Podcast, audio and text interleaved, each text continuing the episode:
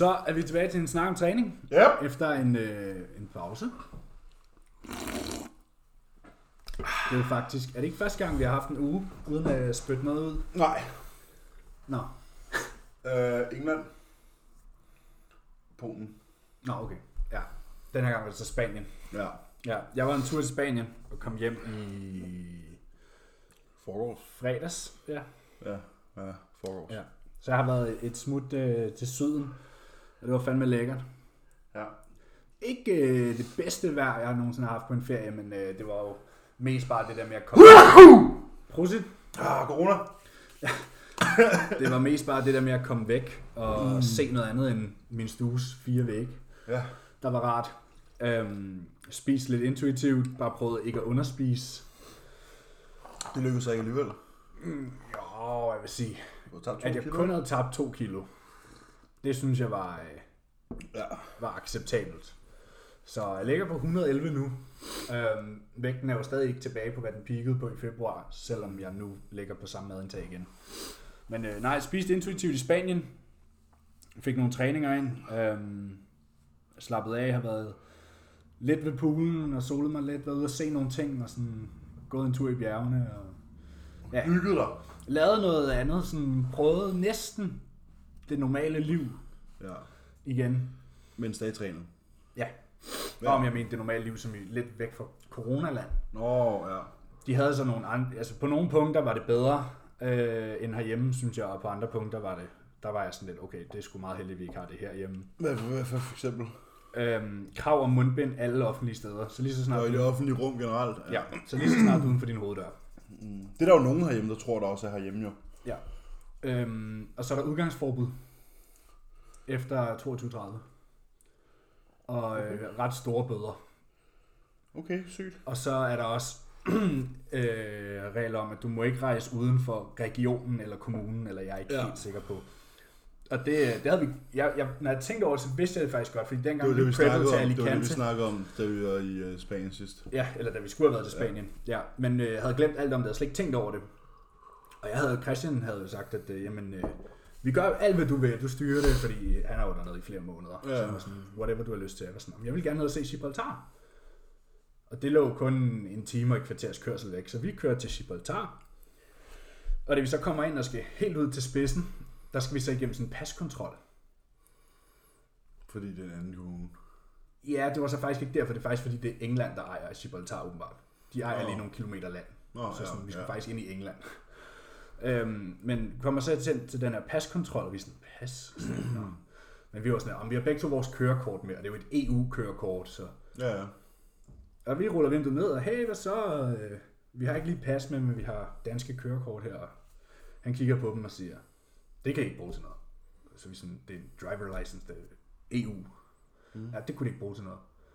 Så vi sådan, nå, vi har altså ikke vores pas med. Og så kigger han sådan lidt på os, sådan sådan, hvor bor I?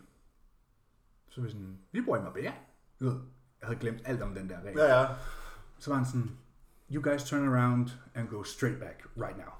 Så var jeg sådan, Okay. okay. Ja, så gør vi det. Så gør vi det. Så gør vi det. Fandt så ud af, at vi sparede en bøde på, I don't know, 5.000 kroner eller sådan noget.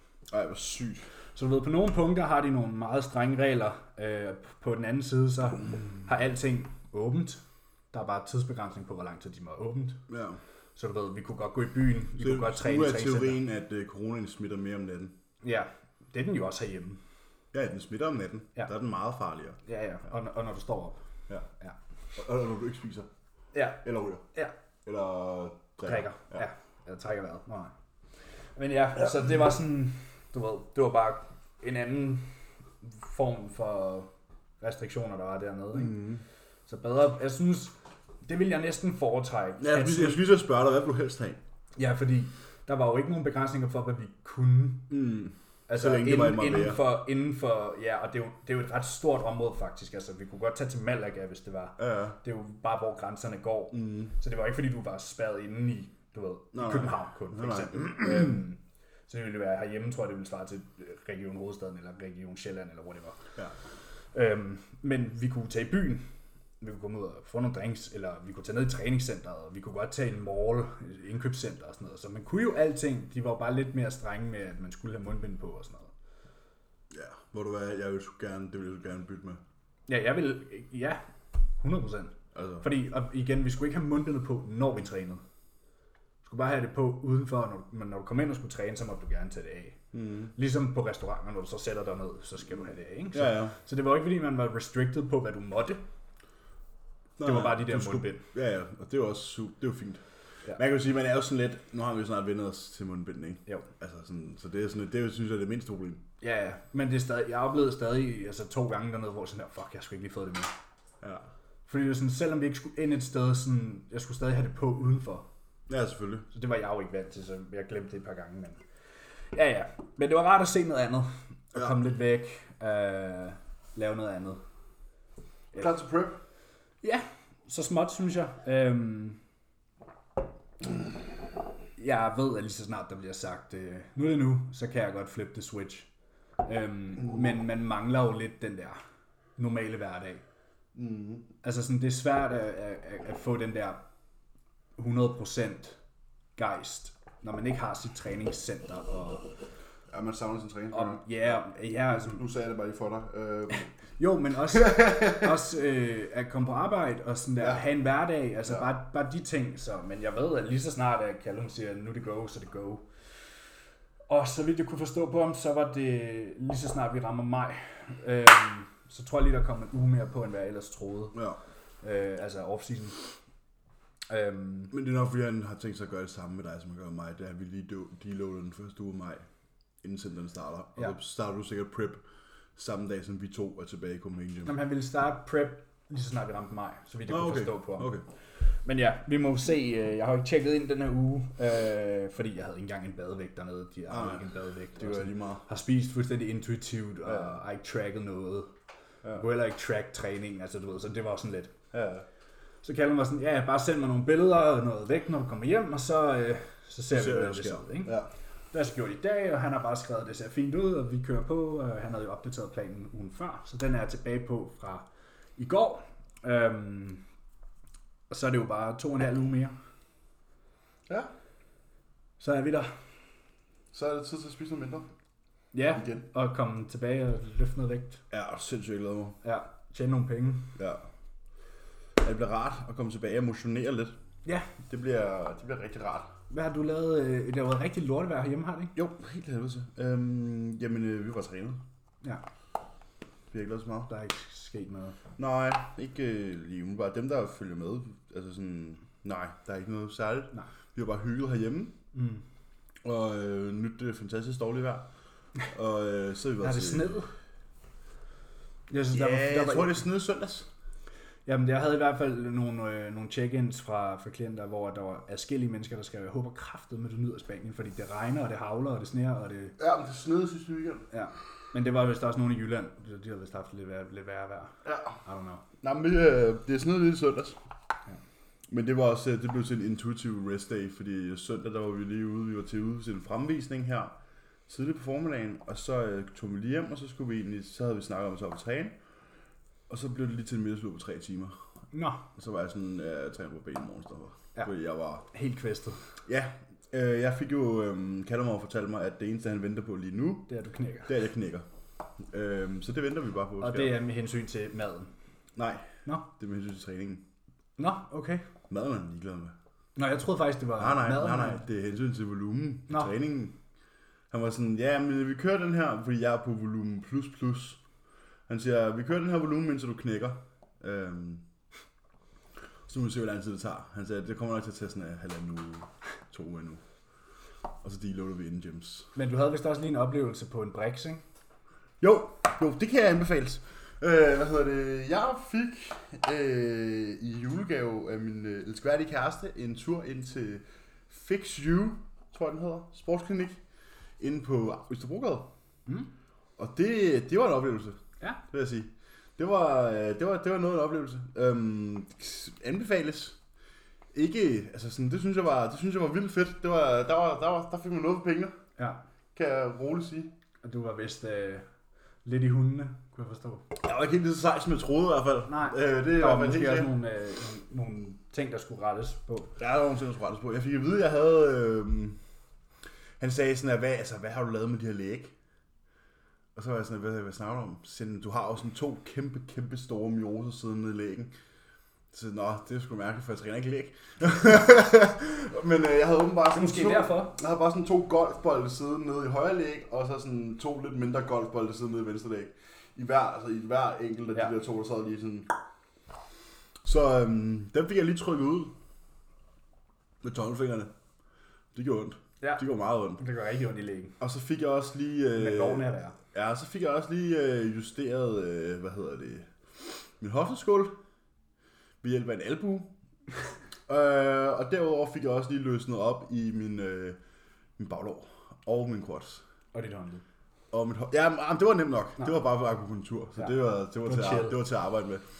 Det gjorde godt nok lidt ondt, fordi øh, problemet var, at jeg var lidt for bred til at på briksen. Og jeg skulle lægge min hånd stille, fordi du kan ikke bevæge din arm, når der er akupunkturnål i, fordi så Nej. gør det. Ja, du kan ikke bevæge gør- dig med en nål i. Det kan du godt, men det gør rimelig ondt. Ja, det er en dårlig idé. Problemet er så, at jeg ligger på briksen, og, og på grund af, af, af min, min hvad hedder det, off-season her, så ligger jeg sådan her, jeg ligger sådan her, med armen foldet ind over, ligesom Ja. hvis man ligger med hånden på maven. Ja. Ligger med hånden på maven, for at sige det mere præcist. Problemet er så, at øh, briksen er ikke bred nok, så min albue støtter ikke på briksen. Nej. Den hænger frit og svæver. Så min arm, den sidder og er på vej udover. Ja. Og jeg, kan, og jeg bliver nødt til at holde igen, så jeg, er nødt, jeg ligger og spænder op i brystet, for at trykke min arm ind. Så jeg ligger bare sådan og, og kører sådan en... øh, Isometrisk en, en, en, en isometrisk bryst øh, contraction Ja. i sådan her 25 minutter, eller et kvarter indtil jeg siger til ham, der øh, behandleren, øh, siger, den der stol, du har derovre, vil du lige være sød og skubbe ind under min albue? Og så kører han lige den der, han har sådan en lille rund taburet der, sådan en behandlerskole der. Så ruller han lige ind under min albue, så jeg var sådan, åh, åh, det var rart, fordi jeg har bare ligget og holdt den, og jeg kunne bare sådan, jeg, kunne ikke, jeg må ikke bevæge det her nede. Hvis jeg bevæger det nede, så hopper nålene ud, og det går fucking ondt. Så jeg lå bare sådan og kørte den frem sådan med skuldrene over brystet.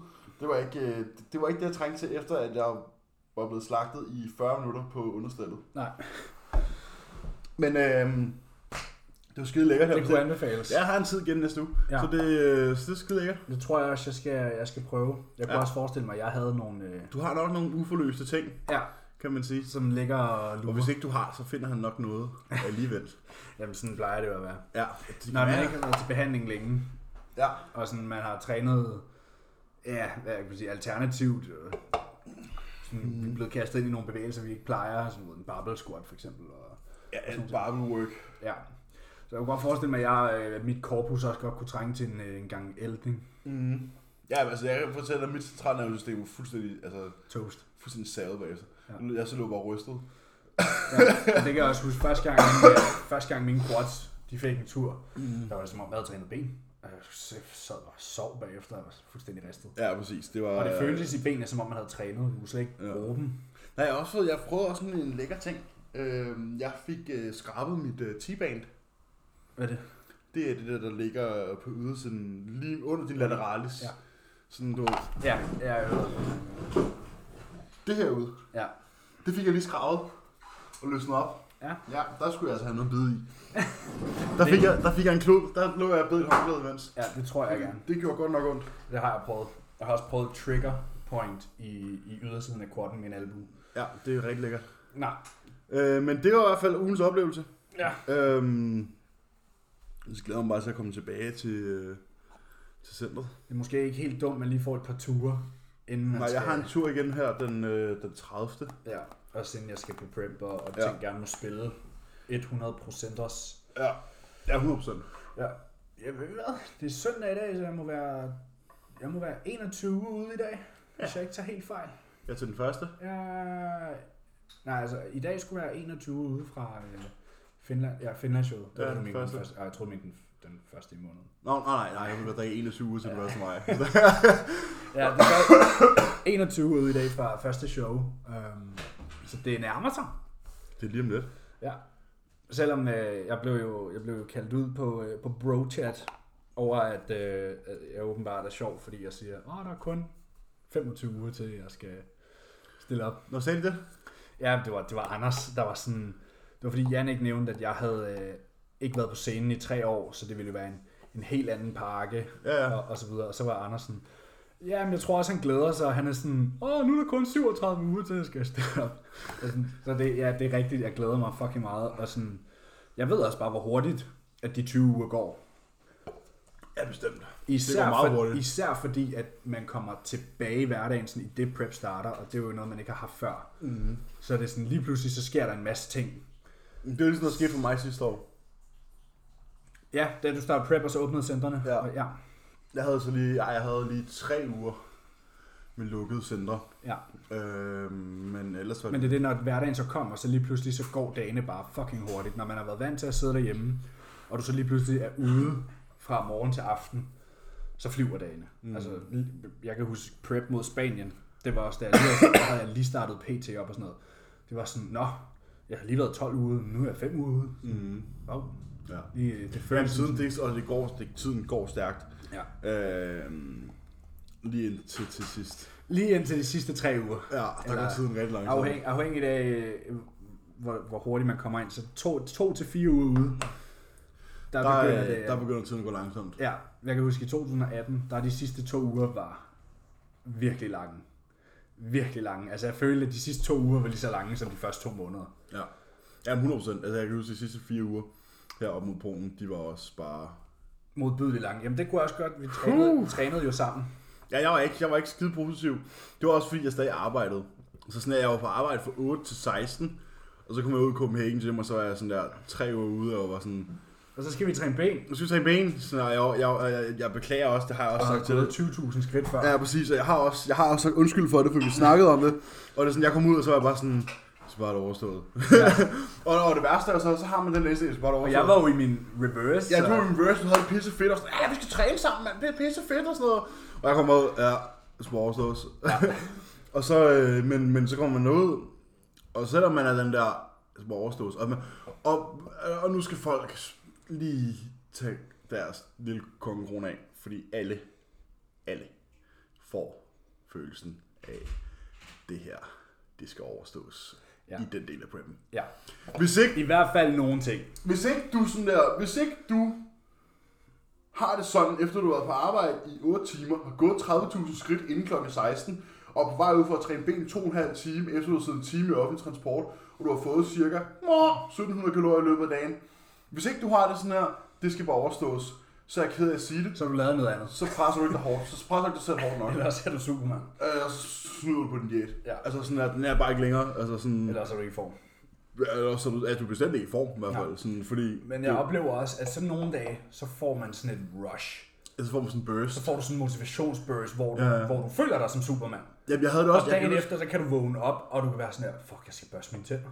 Ja.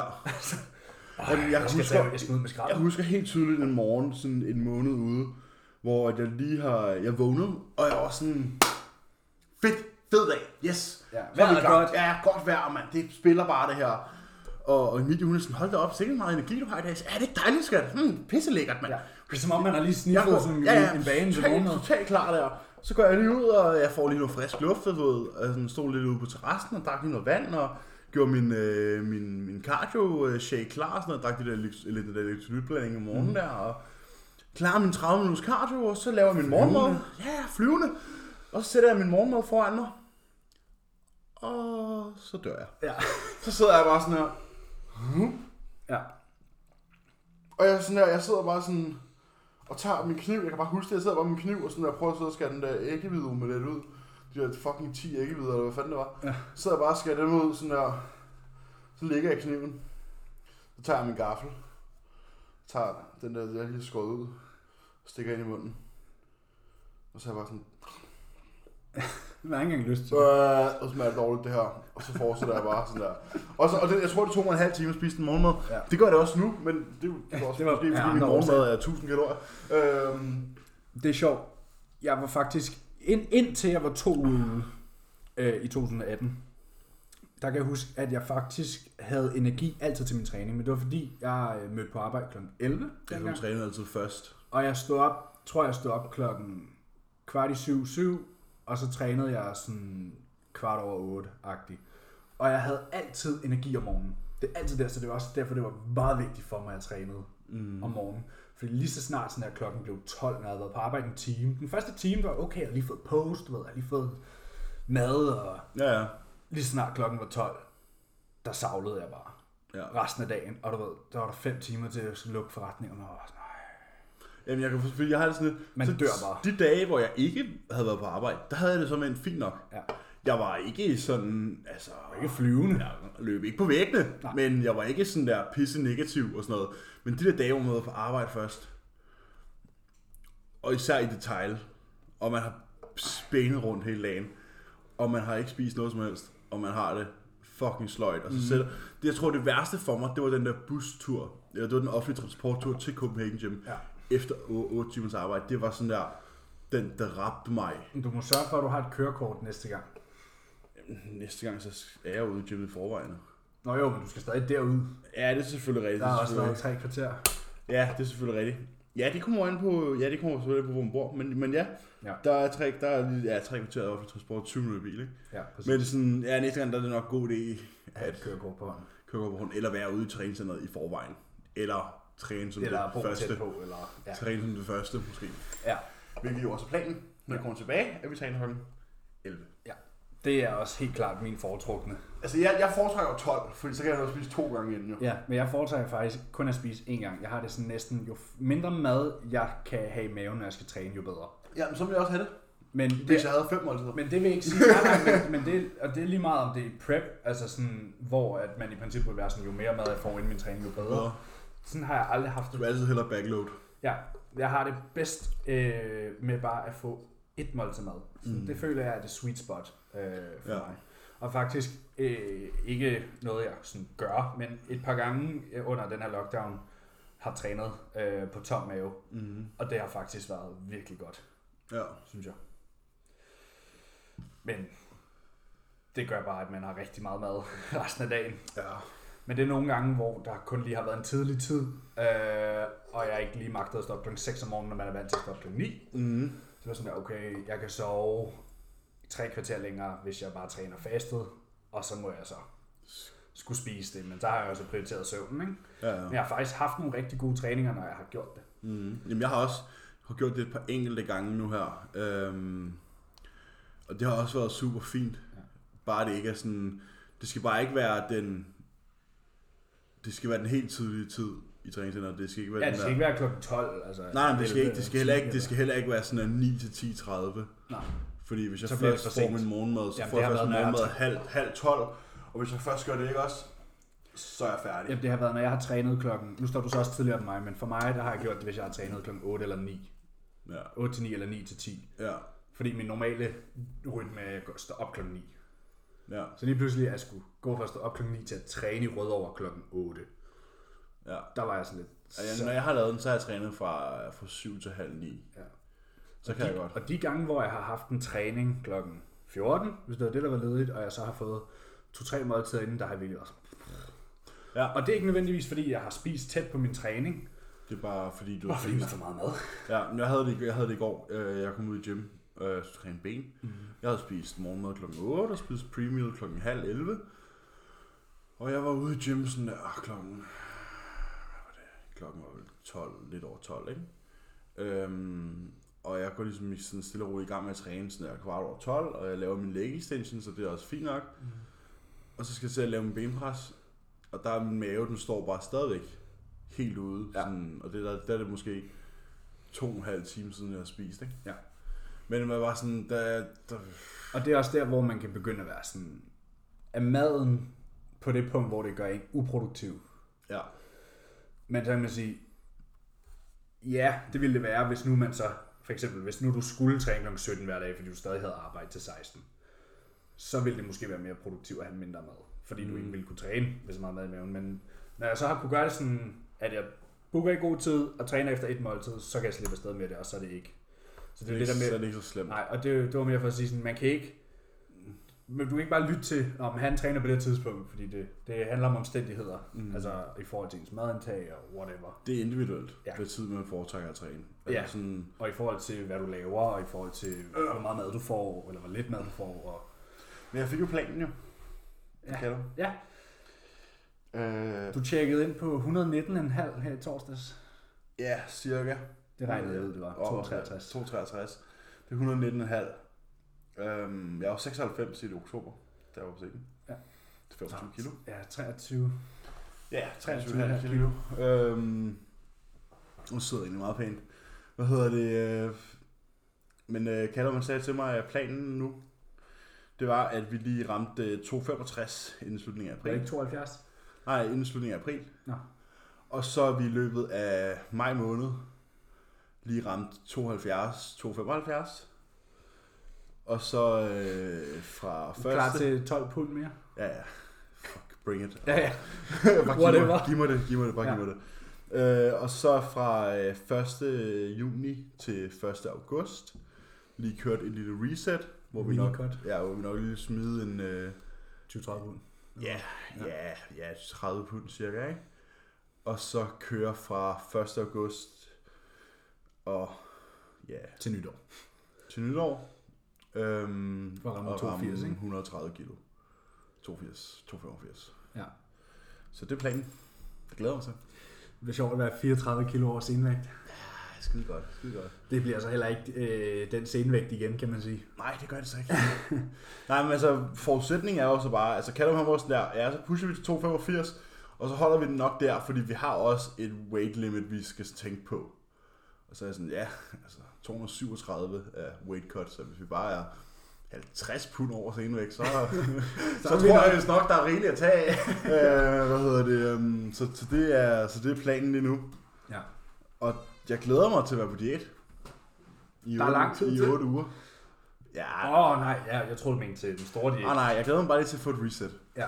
Han sagde, at vi går ned, vi går ned, og så får vi os lige en lean, sådan der 245, 250. Og så, øh, og så skal vi op igen. Ja. Og her, Først så fortæller han mig, at han venter på, at jeg knækker. Så så fortæller han mig, at jeg skal veje 130 kilo. Og jeg var bare sådan...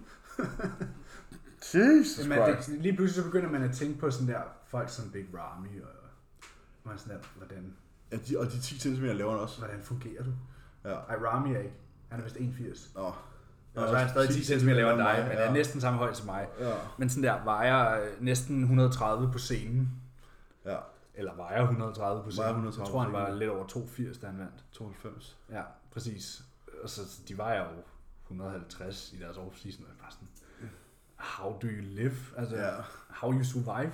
Ja, men det gør de så heller ikke. De har jo bare levet, ligesom vi har gjort de sidste par måneder. Ja, det er ikke et liv. så øhm, ja, og sådan, nu har jeg flået med Ryanair, og sådan, øhm, Det er jo altid en fornøjelse. jeg var så heldig, at begge gange havde jeg ikke en sidemarker. Okay. Det er rimelig heldigt. Mest for dem, Ja. ja. der skulle jeg sidde ved siden af. Ja. Øh, og det er ikke et, for at lyde, åh, jeg er stor. Det er fordi sæderne er Meget små. meget små. Men så forestiller du, så havde 20 kilo muskelmasse mere. Det kan man ikke flyve med Ryanair. Nej, så skal du booke en række. Ja. Du skal booke tre sæder. Men det kan man også lige så godt, hvis det er så billigt alligevel. Ja. Ja. Men mindre. Jeg skulle, så står jeg ude i, øh, fordi da vi fløj til England, og øh, da vi fløj til England, da vi fløj til Polen, der havde vi to håndbagager med. Lille kuffert og en taske. Ja, jeg, jeg, vi betalte bare for håndbagage. Vi Ja. betalte ikke for mere end det. Nej. Men jeg havde ligesom, fordi jeg kan huske, at jeg havde haft kuffert og rygsæk med begge gange. Så havde jeg også det. Og så står jeg i køen øhm, til flyet, der skal afsted i Danmark. Ja, Ryanair, de er fucking nær med det der. Og så kommer der bare en mand hen og sådan der, må jeg se dit boarding pass? Øh, ja, selvfølgelig. Her, sådan sådan der. Du har kun betalt for en taske. Øh, jeg skal lige have 50 euro. Ja, ja. Nå. Ja. Men Så får du bare det jo. Så øh, det skulle jeg jo så også gøre på hjemvejen, men der gjorde jeg det i forvejen. Det er fordi det billigere. var billigere. Så det var kun 20. Men jeg gav 50 euro og 20 euro, så 70 euro i alt for min lille ekstra taske. Og så gav jeg også 60 euro for at blive testet i Spanien, så jeg kunne komme hjem. Så jeg gav 130 euro. Det er 1000 kroner. Ja, det var billigere end min fly. Det var dyrere end mine flybilletter. Mine flybilletter kostede 600. Ja, det er fantastisk. Jeg gav 40 euro hver vej. Ja, men jeg kan godt huske det der, jeg kan godt huske det der med Ryanair. Men Ryan er billig, men du skal bare tjekke. Altså, det, det er jo ikke snyd, fordi det står der. Ja, ja. Jeg havde bare ikke set det, men sådan hvis man lige misser, Mm. Ja, Ryanair er billigt. Lige indtil du, du skal... selv fucker op. Ja, lige indtil du skal noget ud over det sædvanlige. Ja. Skal du have morgenmad ombord? Skal du have et eller andet? Skal du have et eller andet? Så er priserne bare fucking høje. Sådan, at med, med, Ryanair, Oh hvis du ikke har en taske, hvis du ikke har en taske, og du er bare på forretningsrejse, så er det totalt perfekt. Mm-hmm. Men hvis du skal noget som helst andet, så er det fucking dyrt. Jeg, øhm, oplevet virkelig den største sult, jeg nogensinde har oplevet. Ej, wow. Jeg længe har oplevet. Nå, Fordi jeg har jo ikke været sulten længe. Nej, den, den største sult, den største sult, jeg længe har oplevet, fordi jeg har jo ikke været sulten længe. Øhm, den dag jeg rejste, jeg tror jeg, jeg fik mad mellem kl. 13 og kl. 15. Og så fik jeg ikke mad, før jeg skulle flyve klokken 18, eller hvad den har været. Eller nej, jo, jeg skulle være i lufthavnen kl. 18, og skulle flyve ved 20-tiden, ikke? Jeg havde bare været sådan, at jamen, jeg køber jo lige noget mad i lufthavnen. Der er jo 100, Snydt, snydt. der er jo 100 ting at vælge imellem. Og så kommer jeg igennem security, og du ved, så kommer du lige ind i tax free. Ja, ja. Der var bare lukket. Hvor der plejer at være lavkagehuset, Joe and the Juice. Men bare tax, jeg ser tax free er lukket, så er jeg sådan, nå, det var da mærkeligt. Nå, men så går jeg jo rundt, og så er jeg sådan, alt er lukket. De eneste ting, der var åbne, det var the Juice og en, en tøjbutik. Men alt andet var lukket. 7-Eleven var lukket, pølsevognen, Burger King, du ved, alt andet var lukket. Ej, hvor sygt. Og jeg nægtede at give 70 kroner for en robotsmad i på Joe and the Juice. Ja, det kan jeg forstå. Så jeg sådan, her, fuck det her, jeg køber sikkert, jeg køber noget ombord på flyet. Ja, på Ryanair fly. Så jeg sætter mig ind i flyet. Jeg vidste godt, at jeg skulle betale for det. At der ikke ville være mad. Ja, Men jeg tænkte, fuck det, jeg, jeg køber noget i flyet. Så jeg sætter mig på flyet og scanner den her QR-kode på sædet foran mig, så jeg kunne se, hvad der var at vælge mellem. Og der var et okay udvalg, og jeg synes faktisk ikke, at priserne var helt gale. Jeg tror, det var sådan 4-5 euro for du ved, sådan almindelig flymad. Det er jo ikke galt. nej, nej. Så jeg tænkte, nå, jamen, så lavede jeg jo en lille indkøbsliste. Så jeg, lavede, jeg vil gerne have den her lasagne, så vil jeg gerne have den her cola, og så vil jeg gerne have den her. Der var sådan en menu ting, whatever. Mm. Og da de så, øh, de havde ikke været der, så jeg ringer efter en, og sådan der, jeg vil gerne have det her. Sådan sådan, jamen vi kommer med vognen lige om lidt. Nå, skide godt, så sidder jeg og venter. Så kommer de ud med den her vogn, og jeg sidder lutter midt i flyet. Så øh, de har lige været 100 mennesker igennem, før de når mig. Og da de når mig, så siger de, ja, vi har øh, den her brækjuice, eller en sodavand, og en KitKat. Jeg spiller bare Og så var jeg sådan, I har ikke noget af det her? Nej. Så var jeg sådan, har I noget mad? Og han kiggede i alle skufferne, så var han sådan, jo, der er én croissant. Så tager jeg den. Så jeg havde ikke fået rigtig mad i, ja, 10 timer, 11 timer, da jeg så lander i Spanien. Jeg var sådan, fuck, jeg er sulten nu. Og det var det samme på vej hjem. Der var heller ikke mange ting åbne. Jo, der var faktisk nogle, de fleste ting var åbne i Spanien, men det var bare sådan, jeg kunne ikke få noget ordentlig mad. Det var sådan, giv mig en proteinservering, så jeg kan blive mæt. Ja, ja. Men nej, du ved, så kunne du købe en sandwich med 20 gram skinke i. Og sådan, jeg har godt nok været sulten på de der flyrejser. Jamen, det gør ikke noget at være lidt sulten. Nej, fordi i går var første dag, jeg var tilbage på plan 100%. Sjov nok, fordi det var den dag, jeg landede. Men øhm, det gik faktisk okay med at få maden ned i går. Ja. Men øh, jeg giver det lige et par dage. Ja. Ja, der skal lige fyldes op igen. ses snakker bare om det næste weekend, ikke? Ja, præcis. præcis. Men det er nu meget rart alligevel. Ja. Ja, jeg har også lidt, øh, nu har jeg jo fået, jeg har jo ramt den berygtede milepæl jo. 1000 gram carbs. Nej, 950. Nå, 950 kap. ja, men så er det da snart. Det er næsten 4.000 kalorier i kulhydrater. 3.800. Yep. Mums. Ja, det er så lækkert. Og hvad? 350 gram protein og 80 gram fedt? Ja. Fy for helvede. Ja, og hvildagen er så... Så er det 6.000 kalorier? Ah, ja, cirka. Ja. Jeg ved det ikke. Øh, vilddagen er, hvad er den? 300, ej, det er 340 gram protein. Og så er vilddagen 710 gram kulhydrat og 115 gram fedt. Ja, du får, øh, du får 5.160 kalorier fra protein og kulhydrat på din træningsdag. Mm. Og så får du 80 gram fedt oveni. Ja, du får lige under 6.000, før det løs på din Ja, ja, træningsdag. inden, inden ketchup og smør og alt det der gode der. Ja, alt tilbehøret. Alt det gode. Det, det, sådan er det jo. Ja. Ikke? Men øh, man kunne forestille sig, at du kommer nord for det, hvis du skal nå 130. Det gør jeg nok. øhm, altså, nu må vi se, hvor vi ender henne jo. Ja. Glæder mig i hvert fald til... Har du ikke trimmet skægget? Nej, det er ikke blevet kortere. Nå, okay. Jeg må godt. Nå, Jeg må godt forme det. Nå øh, det virker bare mindre vildt, men det er måske... Det vil du jeg- har ikke taget længde af. Nej, der er ikke sådan Nå, noget okay. længere ind. Det var fordi, den Simon trimmede lige siderne. Ja, ja fordi sådan det er så- bare... så det ikke- jeg, så jeg synes godt nok, at du havde Ja, sådan en... så, det øh, ikke, så det ikke stak ud, øh, og så er jeg bare lige trimmet sådan herop og hernede og sådan noget. Ja. Ikke? Ej, jeg har ikke taget noget længden. Det må jeg Nå, ikke. okay, nej, men jeg skulle til at sige, har Ja, du det det? må snydt? Det må jeg ikke. Det må jeg ikke. Nej, jeg glæder mig nok til at se, det sker ikke. Du kommer til at ligne en hulmand.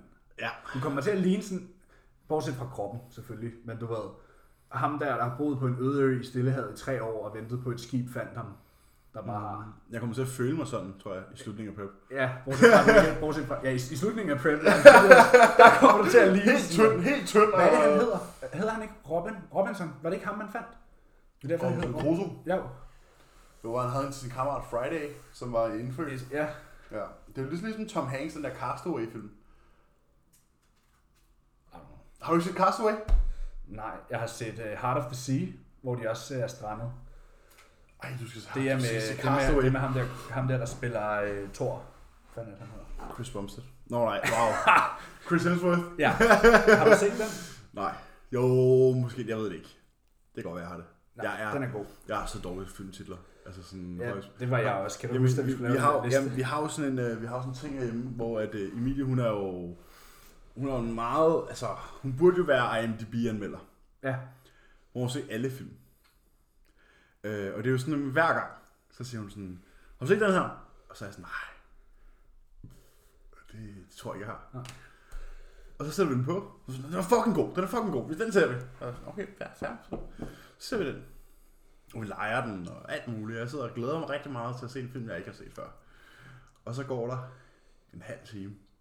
Og så sidder jeg bare for mig selv og tænker, den har jeg set før. Ja. Fordi jeg kan ikke huske titlerne. Nej, nej, nej. og hvis jeg ser en trailer, så er jeg også lidt, nej, mm, det, Det tror jeg, jeg har- det tror jeg ikke, jeg har set før. Men ved, så skal der bare den der ene scene til Ja. i en film, som man husker. Ja, Og så er man sådan, Nå. Og så kan man huske det hele. Ja, så kan man huske det hele, så er sådan, den har jeg set før. Så, jeg siger ikke noget. Det har jeg ikke hørt noget. Hvad hedder det? øhm, Men altså, ja, jeg er ikke så god til det med titler. Jeg fik faktisk set en film nede i Spanien, som jeg ikke har set før, som virkelig var god. Jeg ved ikke, om du har set den. Den er Barry Seal. Det ved jeg ikke, om jeg har set. Den er virkelig god. Den kan du roligt se. Har du set den, Emilie? Den? Barry Seal, ham med piloten, der hjalp øh, Pablo Escobar med at flyve coke ind i USA. Nej, det tror jeg ikke. Den Nå, har så ved I, hvad I skal se i aften. Har du set den? Det tror jeg. Den er i hvert fald virkelig god. Hvor når den fra? Det ved jeg ikke. Jeg aner det ikke. Den er ikke gammel. Nå, anyway. Ja. Jeg er også elendig til, til filmtitler. Det kan du huske, da vi skulle lave den der liste. Ja. Så var det som om, jeg ikke kunne huske andet end Shrek. Shrek 1 og Shrek 2 og Shrek 3. Nej, Shrek 4 er den bedste. Nå, skal vi dykke ned i nogle øh, lytterspørgsmål? Må det ikke, vi skal det? Jo. Nu ser jeg på det, så jeg kan finde øh, vi- den der video, som han er med i. Hvad for en video? Hvem er med i? Ham der. Barry Seal. Nå, har du set en trailer, eller hvad? Nej, jeg vil bare se, om jeg kan se øh, titlen på filmen. Den hedder Barry's... Nej, Den den, hedder American Made. America. American Made. Nå, ja. Det kan faktisk godt være, at jeg har set den. Den er fra... Hvornår er den fra? 2017. Den var to timer, og den har fået 7,2. Den er virkelig god. Den har jeg ikke set, Nej, den er fordi virkelig, virkelig det er god. med, øh, det er med Tom Cruise. Så øh, Nå, så ser jeg den ikke, nej. nej, så bliver den ikke set herhjemme. Nå, Den har vi har, øh, eller nogle af os, nogle er ubestemt indsat, øh, har øh, noget imod Tom Cruise.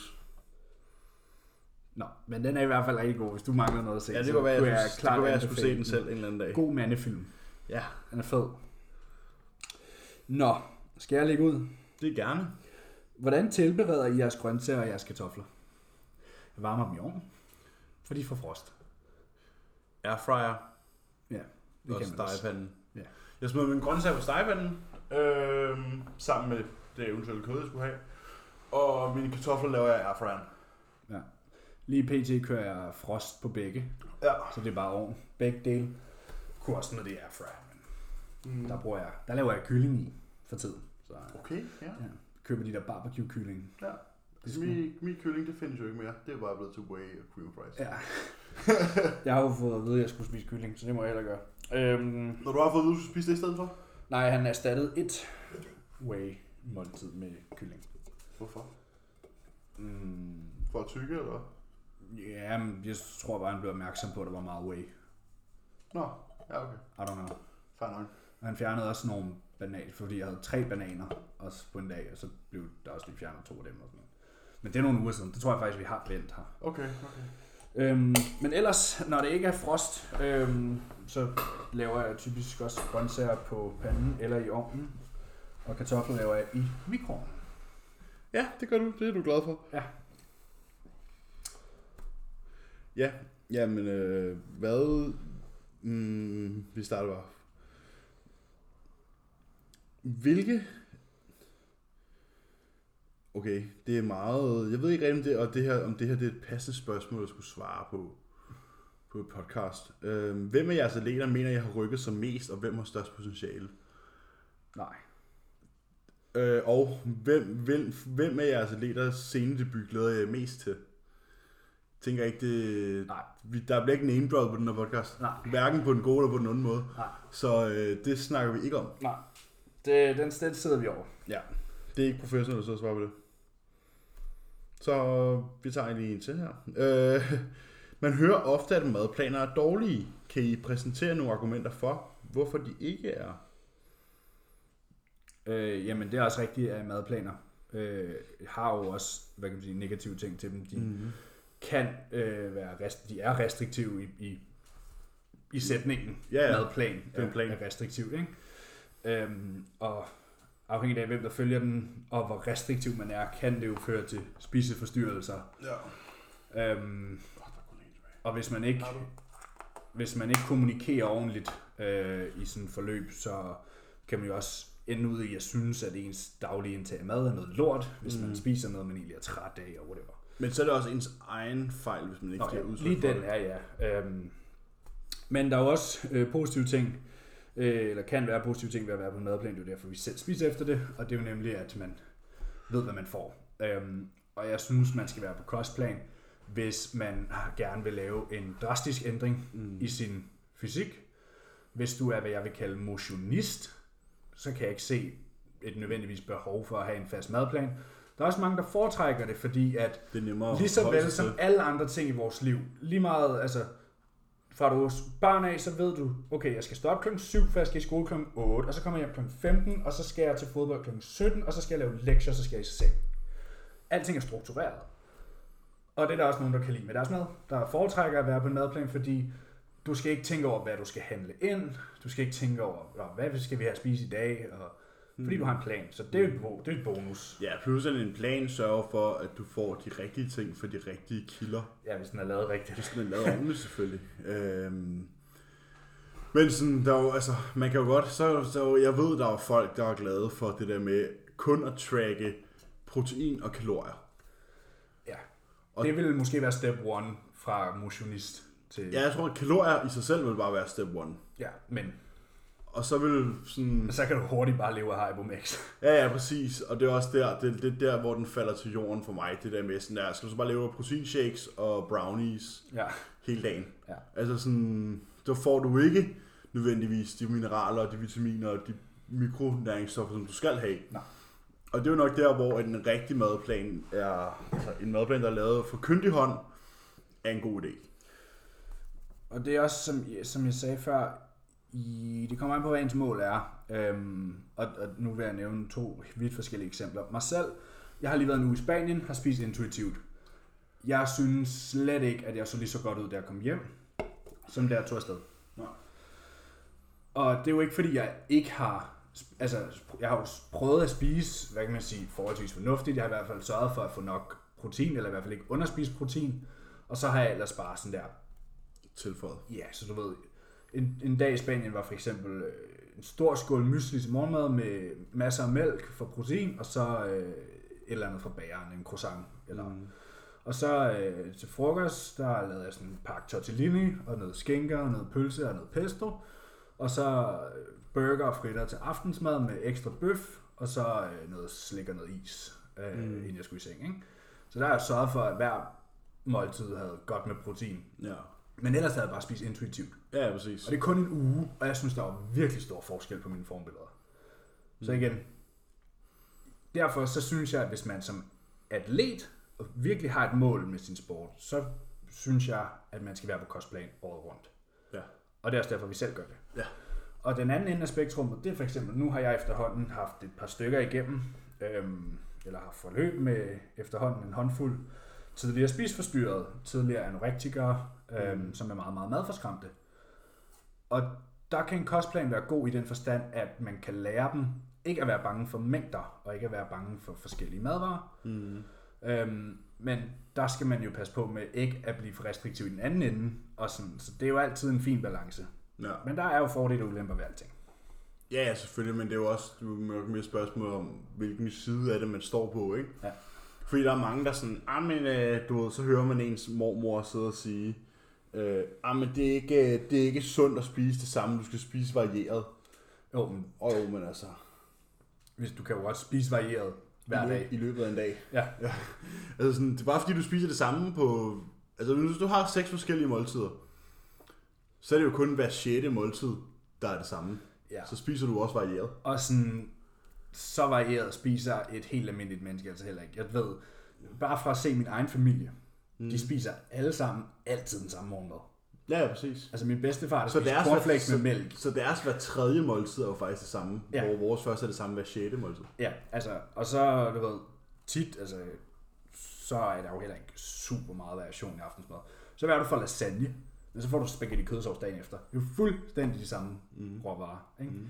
Men jo, så, kan du, så, så får du tegmad, så er det jo bare nudler og kylling, det er stadig melprodukt, så sådan, Det er samme. ja, det der med sådan der, at du skal spise varieret, det, så har du bare ikke en ordentlig kostplan, hvis den ikke er varieret. Nej. Og igen, det er jo også noget, man kan udtrykke sig for. Der er også nogen, der siger, jeg vil gerne have, at øh, de tre midterste måltider, de er fuldstændig ens, fordi jeg har en pisse travl hver dag.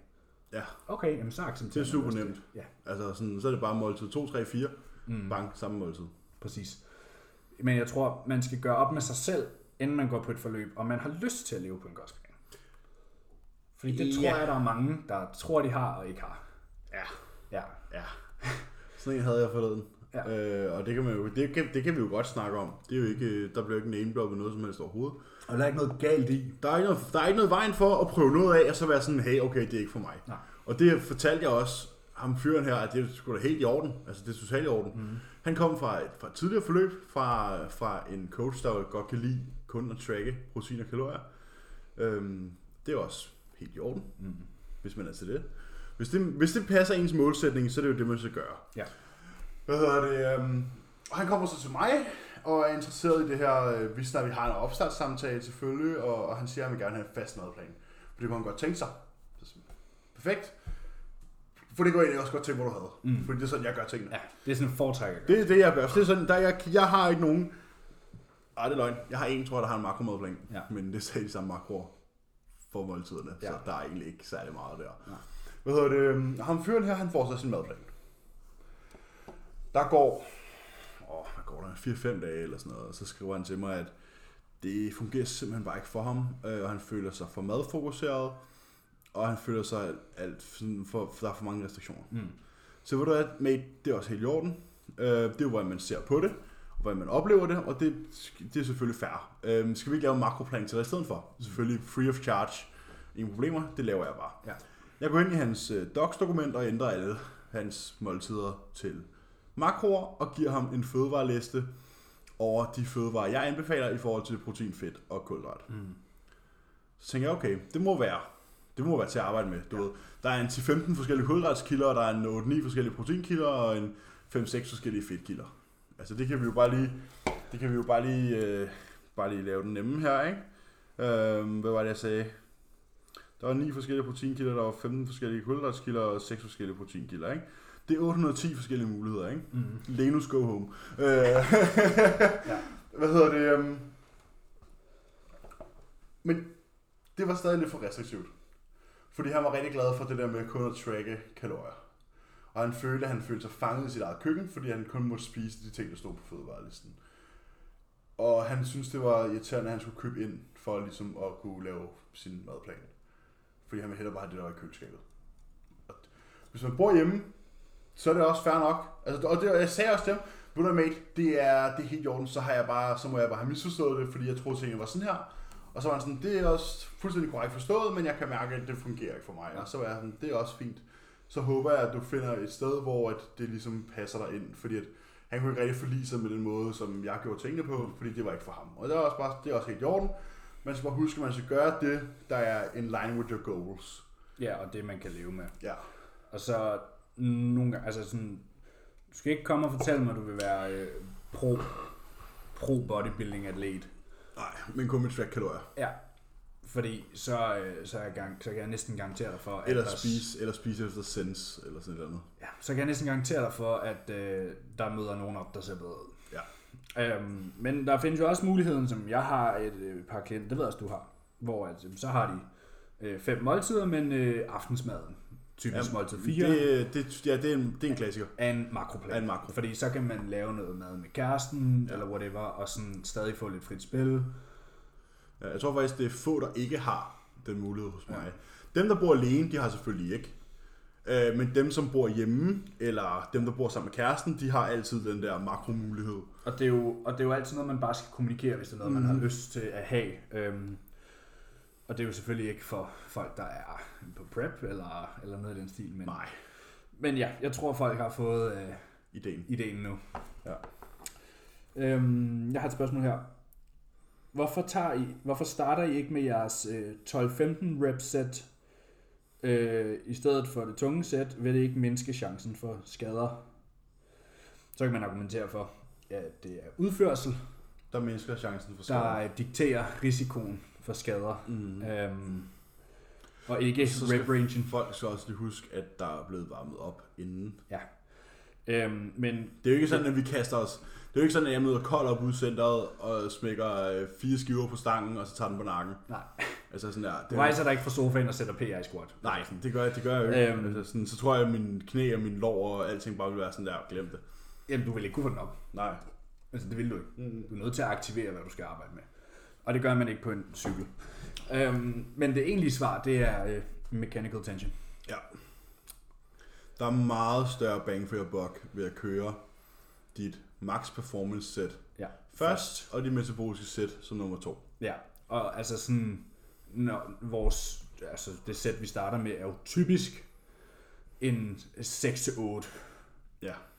Det er som regel der, det ligger. Mm. Øhm, jeg synes ikke selv, at køre et 8 rep sæt er skadesprovokerende, eller noget i den dur. Hvis det skal være skadesprovokerende, så snakker vi sådan og under. 2, 3, 4. 5 og under. Ja. Så, øh, så, så ja, Så det nej. er det svar nok.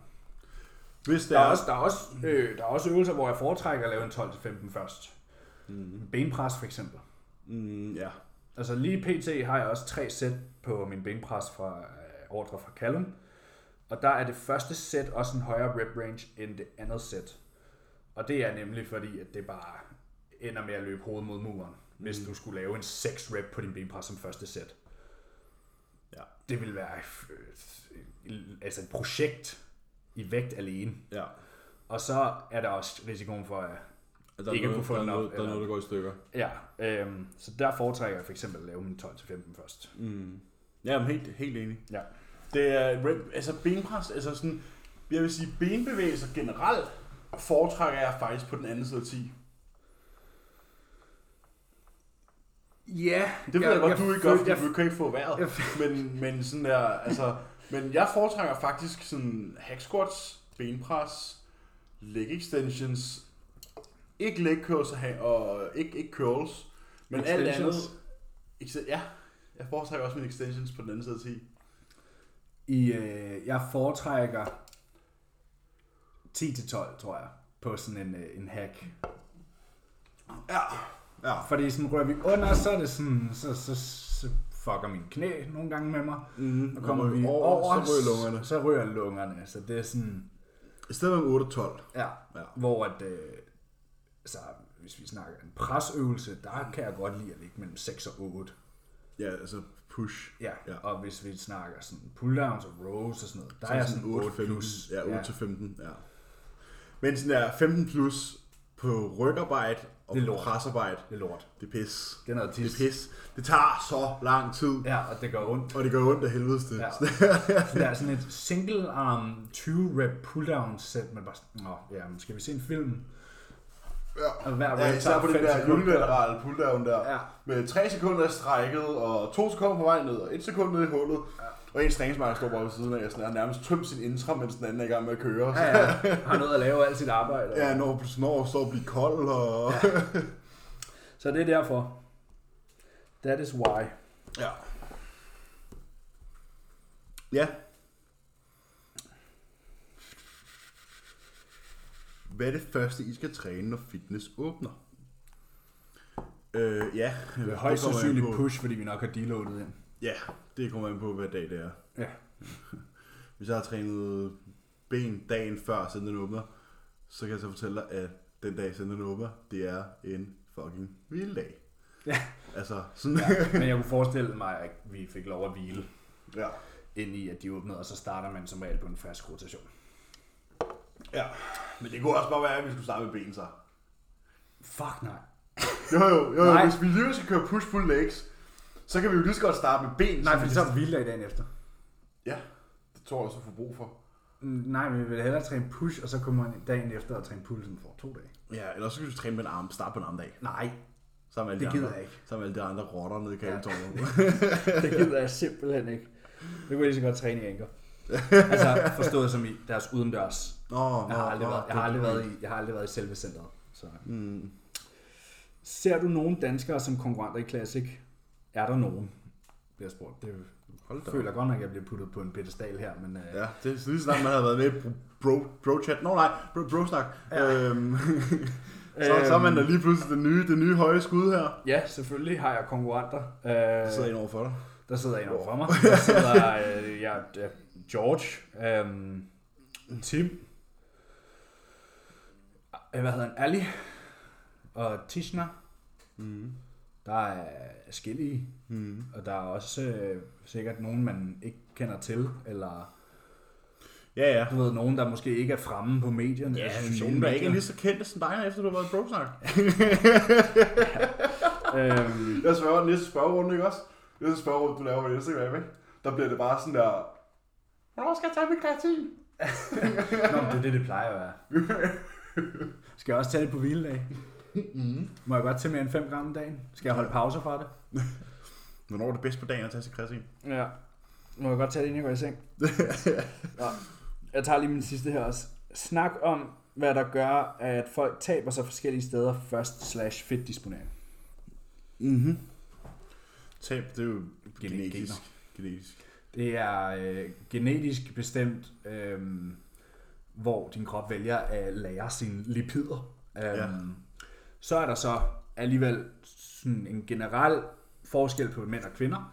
Og det er Ja. fordi, at kvinder har en større mængde østrogen og en lavere mængde testosteron. de har nogle andre områder på kroppen, der skal beskyttes. Mm. Det er jo typisk sådan, Men det, kroppen... men det er jo der, men det er jo fordi det kvindelige kønshormon prioriterer Ja, de områder. ja. Kvinder har en større tendens til at lære fedt omkring hoften og på benene, og mænd har en højere tendens til at lære fedt på maven. Det er også derfor, at mænd har flere kardiovaskulære problemer, fordi at fedtvæv på maven skaber vas- eller kardiovaskulære problemer mere end fedt på ben og hofte gør. Ja, det er typisk sådan, altså mit fedt sidder på maven og på bunden af ryggen. Mm. Det er meget typisk for Det er mænd. meget standard. Øhm, og de fleste kvinder sidder jeg på sådan, hvad kan man sige, midten af kroppen i sådan en cirkel. Ja. Sådan der, hvor at barnet skal være. Mm. Hvor at vores, for mændene, der sidder det... Jamen, de får faktisk ikke lige så meget fedt på maven. det. Selve maven. Nej. Du ser, hvis du tænker på en gravid kvinde, der er jo heller ikke meget på maven. Nej, det er fordi, den er fyldt ud jo. Jo, jo, jo, men der vil stadig sidde... Øh, de har, Ja, ja, det det, er det, det, er, øh, det er på øh, hoften og ja, benene af og, ty- og typisk vil der jo også være et større fedtlag i bunden af ryggen, fordi der er din ryggrad længere ude mod Mm. huden, og den skal jo beskyttes. Det er også derfor, typisk mænd først begynder at få mere fedt på benene, jo tungere de bliver, fordi jo mere fedt du har på kroppen, jo mere østrogen får du i kroppen. Og så begynder du at have den Ja. her Og der kan sidde enormt mange østrogenreceptorer i benene. Yes, det gør der nemlig. Det Det og det er derfor, at østrogen binder dig. Ja. Så yes, that is why. Men ellers, ud over den generalisering, så er det øh, individuelt, fordi jeg har da også set øh, mandlige atleter, der har mega meget fedt på armene, men har en sixpack. Mm. Sådan, hvor jeg er omvendt. Jeg kan have bildæk på maven og have veins over det hele på armene. Ja, men jeg, altså, jeg er jo heldig, hvis jeg har en sixpack- på scenen. Ja. Med mine baller inde. Ja, Det er fucked up. Ja. Men altså, sådan er vi så forskellige jo. ja. Er også måske, der skal trænes noget mave for os begge to. Ja, vi skal træne maven og komme tilbage. Ja. ja. Det må vi lige holde hinanden op på, ikke? Jo, men vi var faktisk, jeg var i hvert fald... jeg Vi var, vi, jo, vi, jo, var, vi var med, på den, vi var på den. Vi var blevet gode til det. Ja, hver anden dag, cirka. Ja, hver anden og, træning. jeg, og, og du var næsten Med på med lægen. på lægen. Ja. Ja. Men Det er faktisk noget, jeg savner allermest ved gym, det er at kunne træne læge ordentligt. I dag, der havde jeg faktisk, i dag var jeg faktisk, det havde jeg, sagt. i dag havde jeg overskud til at træne min læge. Og jeg var ikke blevet smidt ud efter tiden, så gået, du ved. Ja. Normalt, hvis jeg har brugt min time og en ekstra time på at lave mit normale work, så har jeg ikke nosserne til sådan at blive en tredje time, eller gå ind i den tredje time for at, jeg skulle træne Nej. læge. Men i dag, der havde jeg lige et kvarter tilbage af anden time, og tænkte, nu træner jeg de læge her. Ja. Og så går jeg over i den her maskine, der er til det, og den kunne bare ikke rokkes ud af stedet. Og den var der blevet smurt med superlim. Hold op, det var det irriterende. Ja, sådan der, jeg havde, øh, det er sådan en standing calf ting, Mm. og jeg, jeg ved ikke, den går op til 120 eller sådan noget, jeg startede bare på 40, og sådan, der var den virkelig, Tung. altså ja, den var ikke tung, men du ved, den sad bare fast, men den kunne godt alligevel, så var jeg sådan, "Nå, okay, men så sætter jeg den op på 80, og der var det bare sådan en one rep max at få den ud af låsen. Jeg var sådan, fuck det her. Ja, præcis. Men øh, jeg savner at træne læge. Så glæder mig Det til at komme den tilbage eneste, til min uh, Øh. calf. Jeg var jo øh, jeg var også en tur i Malmø ugen før jeg rejste til Spanien. Det er rigtigt, ja. Og øh, vi skulle træne push. Og så siger jeg til de to gutter, at øh, I må synes om mig, hvad I vil. Men jeg, jeg skal træne læge i Jeg dag. starter lige med læg. Nej, jeg sluttede med det. Jeg var sådan, jeg skal træne læge i dag. Jeg tog et sæt. Lavede jeg krampe. Det var fantastisk. Ja, Jeg sådan det, når man ikke har contracted en muskel længe. Ja, så går det galt. Bedste off-season tips til at kunne overkomme den høje mængde af mad?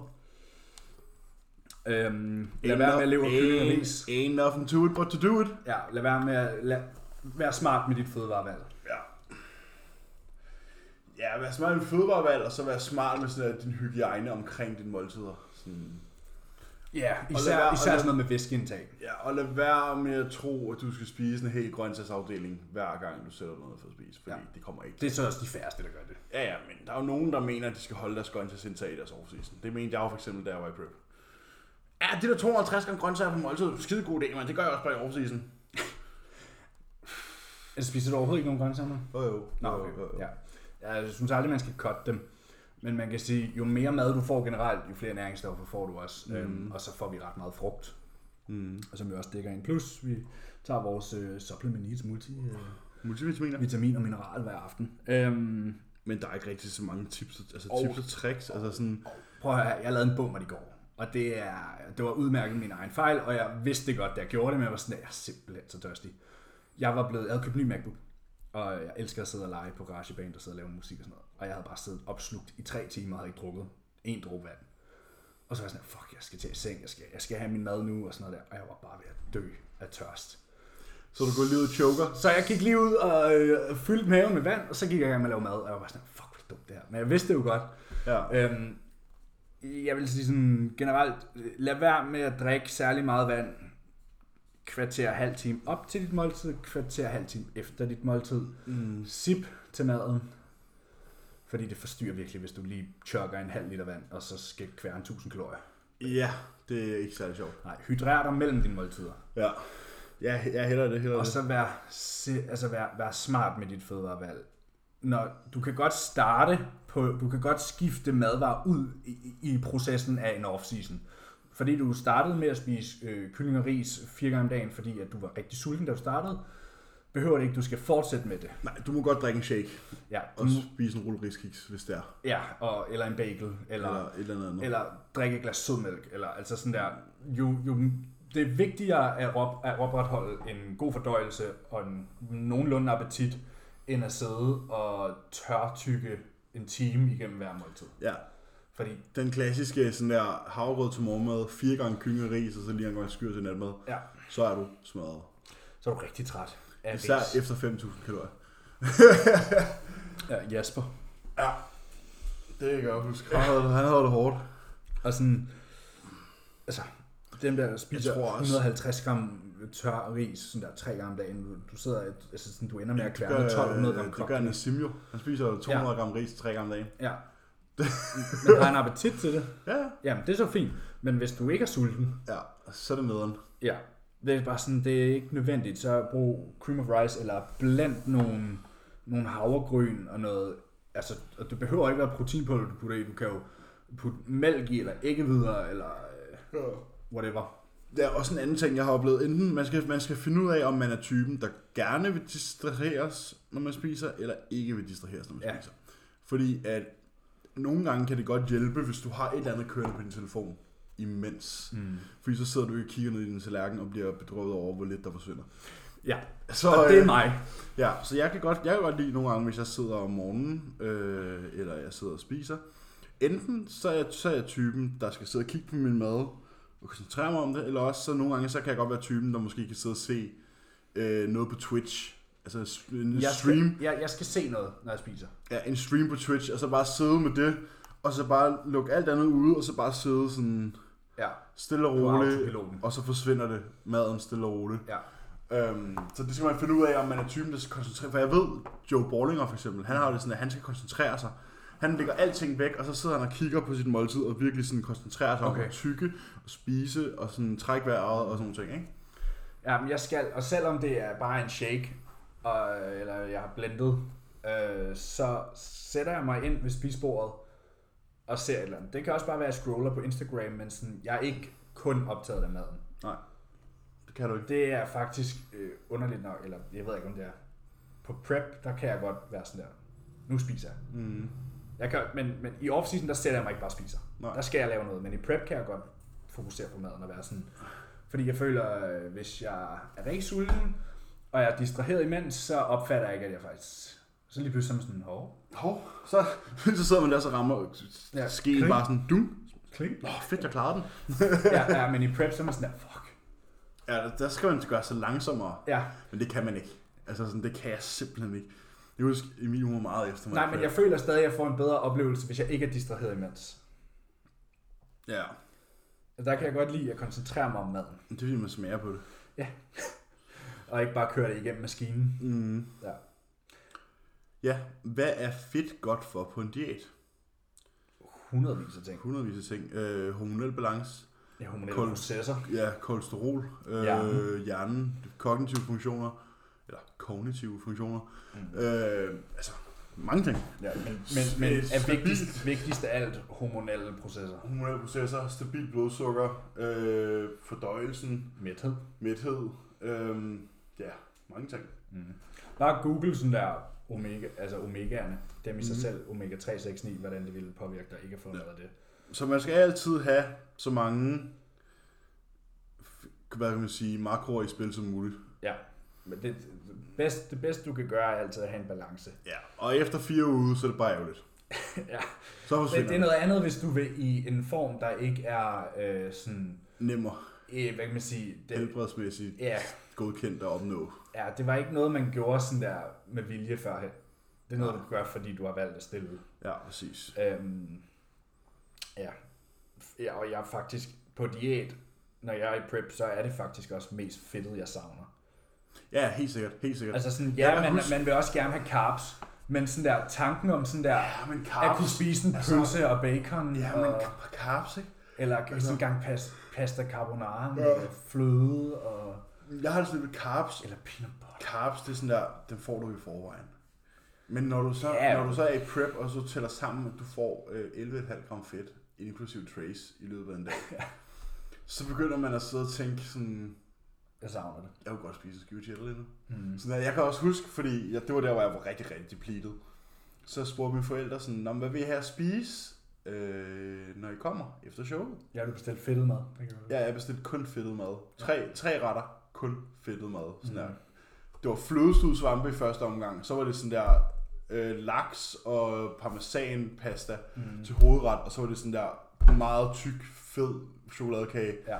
Og så efter showet, så var jeg bare sådan, ved du hvad mor, øh, i forhold til på lørdag, jeg er faktisk fucking ligeglad, hvad jeg skal spise. Jeg skal bare ikke lade at spise. Ja. Sådan, så, så det er sådan, det var meget sådan, der kan jeg huske, der var jeg craved af fats helt abnormt. Øh, Ja. Fordi jeg ikke, fik ikke nogen.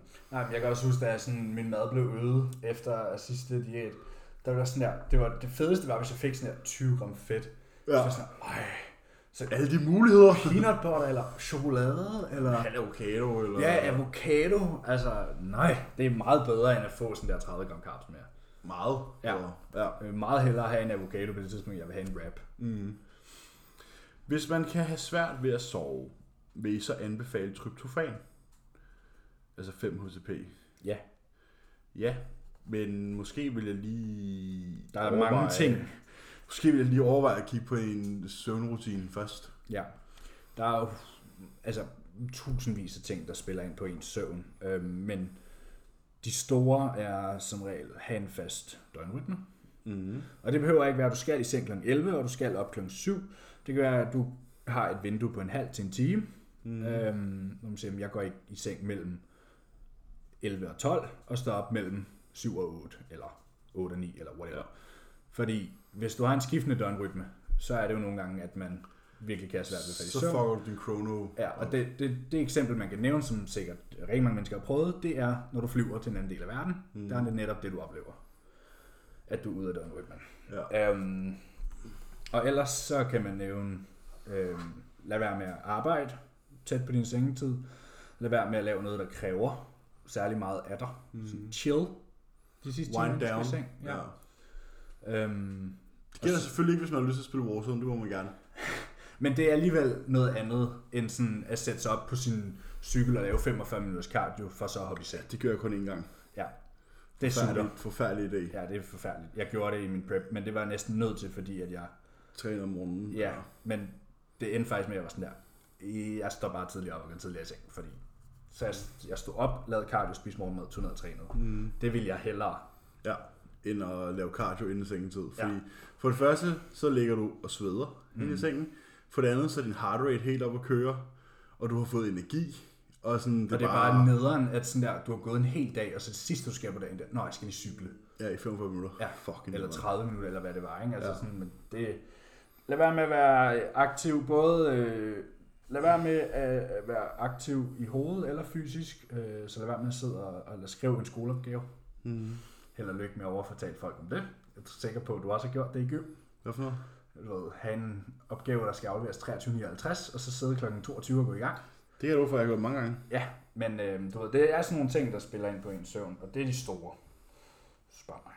Så Ja. er der de små, med mad og temperatur og, og bad og sådan noget, men jeg er sikker på, at vi har snakket om det 100 gange. Og ellers så er det altså common knowledge. Hvis du googler sådan der, best tips for sleep, så Jeg får du hele tror, smør. at hvis man lige tager fra, øh, fra episode 1 til 76, så har du, fuldst- jo, men, så har du fuldstændig styr på, hvordan du skal sove bagefter. men hvis du googler tips for sleep, eller whatever, så kommer de altså også op med, hvad det anbefales øh, i soveværelset, og tage et varmt bad, og lade være med at spise inden sengetid, lade være med at spise stærk mad, og alle de her ting. Ja. Men generelt tænk sådan her, de ting, der får dig op at køre, undgå dem. De ting, der gør, du slapper af, gør dem. Ja. Så lad være med at tage et isbad, lige før skal i seng. Tag et varmt bad. Tag et varmt bad. Du ved. Ja. Åben, have åben vindue med soveværelset, og køligt mm. Mm. soveklima. Slap af med et eller andet, du godt kan lide at lave. Sid og snak med en eller anden, eller Mhm. tag det stille og roligt, ligge i sofaen og slappe af, Mm-hmm. og så gå i seng. Ja. Altså sådan, få din natmad ind i god tid, så du ikke ligger og er midt. Og altså alle de der ting. Og hvis man så yderligere vil malke sin søvn, så kan man kigge på supplement. Mm. Jeg tager faktisk ikke nogen sådan decideret sleep supplements lige nu, udover sådan magnesium, men det er jo ikke kun derfor. Det er bare adrenal support generelt. Ja. Nå, nu kommer der en, der nok godt kan bryde nogle, nogle hjerter her. Okay. Jeg tænker, vi bare skal gå all in, ikke? Okay, hvad så? Mest overvurderede øvelser. Oh. Og de mest undervurderede øvelser. Jeg ved ikke engang, hvad den hedder. Øhm, den der, hvor folk de står med røven til et kabeltræk og har et ræb i hænderne og står og laver sådan der. Pull-throughs. Ja, glute pull-throughs, det er Ja. den største omgang lort, du kunne finde på at lave. Men jeg tror ikke, det er det, der er mest overvurderet. Ej, det er en af dem. Altså bænkpressen, Jamen, den vil jeg ikke sige overvurderet. Den er bare, der er bare mange, der... den er bare glorified. Ja, den er ikke overvurderet. Den er glorified. Ja. Det- det, samme med Det er det samme som at sige, en barbell squat er overvurderet. Det kommer an på, om du er bygget til den. Ja, den er Men også, den er også glorified. Pull-throughs er værst. Det er jo altså, Pull-throughs er ekstremt og, overrated. og hvad mere? Hvad har vi mere? Øh, sumo, øh, øh, Sumo deadlift. altså det er jo jeres number one had. Ja. Er, Der findes applications, men øhm, der er få af dem. der er øhm. få af dem, vil jeg sige. Og det, øh, vi skal ikke tage den igen, men øh, vi vil bare sige, der er så mange andre hip hinge variationer, som du får meget mere ud af. Faktisk dem alle sammen. Øhm, hvad har vi Jo, ellers? hvad Buflu, det er den der, hvor du tre... Ja, hvor de står sådan og... Det er så retarderet. Ja, men der er, og, øh, Alle på Instagram. jeg delte faktisk, jeg tror ikke det er lang tid siden, der delte jeg sådan en breakdown Fra Kassem fra Kassem, Ja. fordi at der er faktisk mere load på din øhm, hoftebøjer, end der er, eller ja, end din hofteextenders, fordi at vægten trækker dig, altså Forover. Ja. Det er en elendig øvelse. Og så kan vi tage, det, jeg ved ikke om du skal klassificere det som en øvelse, men du skal ikke squeeze dine glutes på, øh, på squats, eller på dødløft, eller, eller på, på stærmasteren, eller på løbebåndet, eller... I brystpressen. Ja. Eller, øh, når du laver noget som helst. Ja, Det der med sådan her, det der, jo, ja, hip ja, thrust. ja, ja, der var den.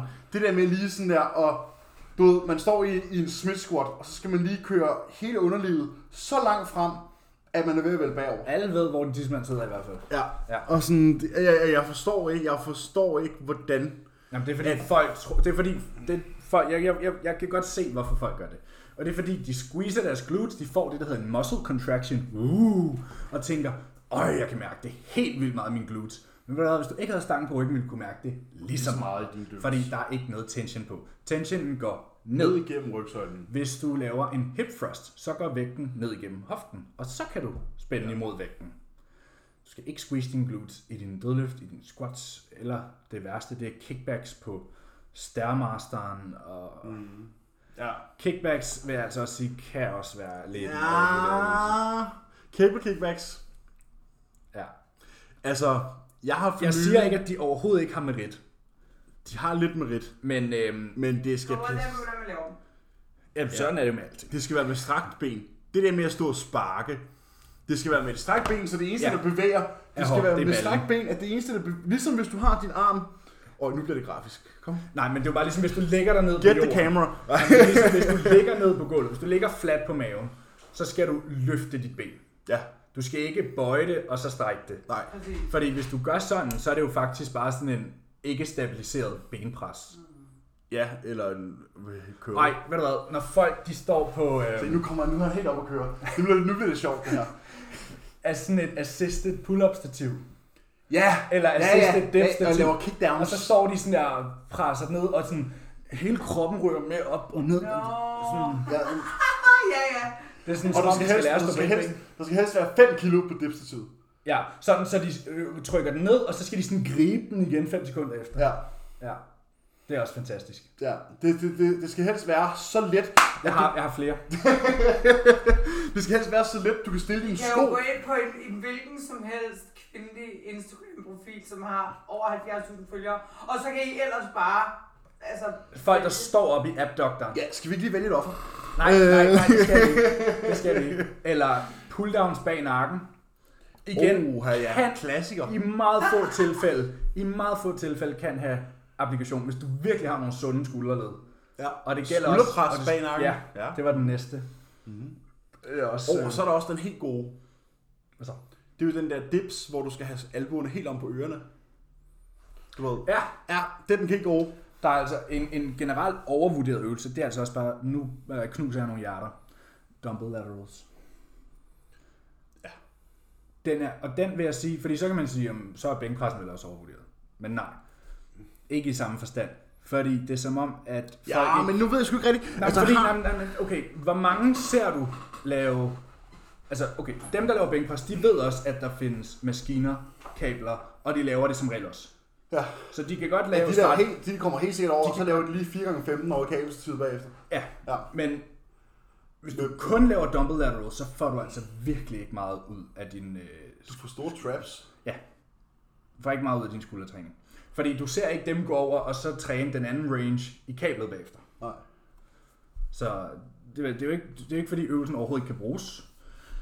Øhm, men den bliver misbrugt. Hvordan har I det egentlig med good mornings?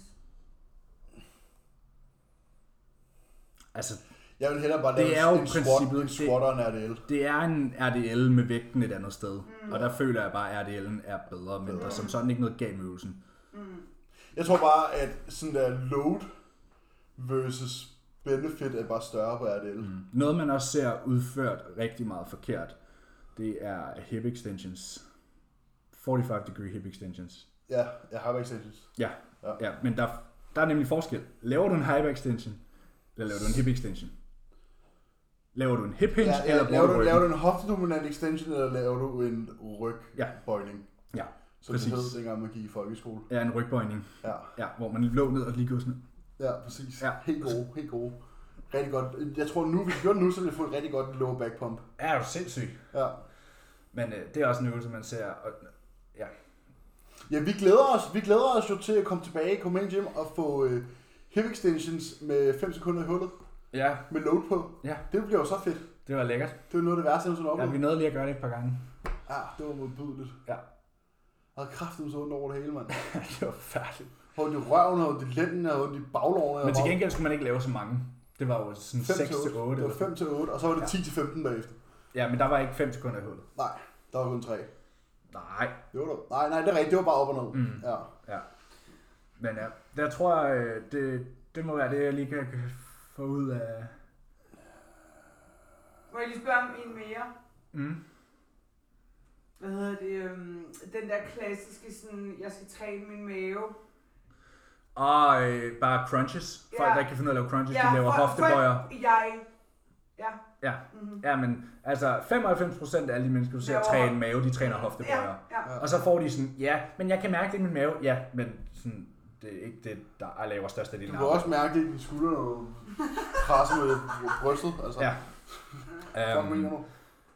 hvad fandme jeg tænkte... Det, det, er svaret til, det er jo svaret til sådan der, at du siger, at uh, du kan mærke det i tæerne, når du står og laver calf raises. Ja. Det er det jeg samme. kan mærke det i foden. Jeg kan mærke det i foden. Ja, no shit, du står på pladen, idiot. Ja.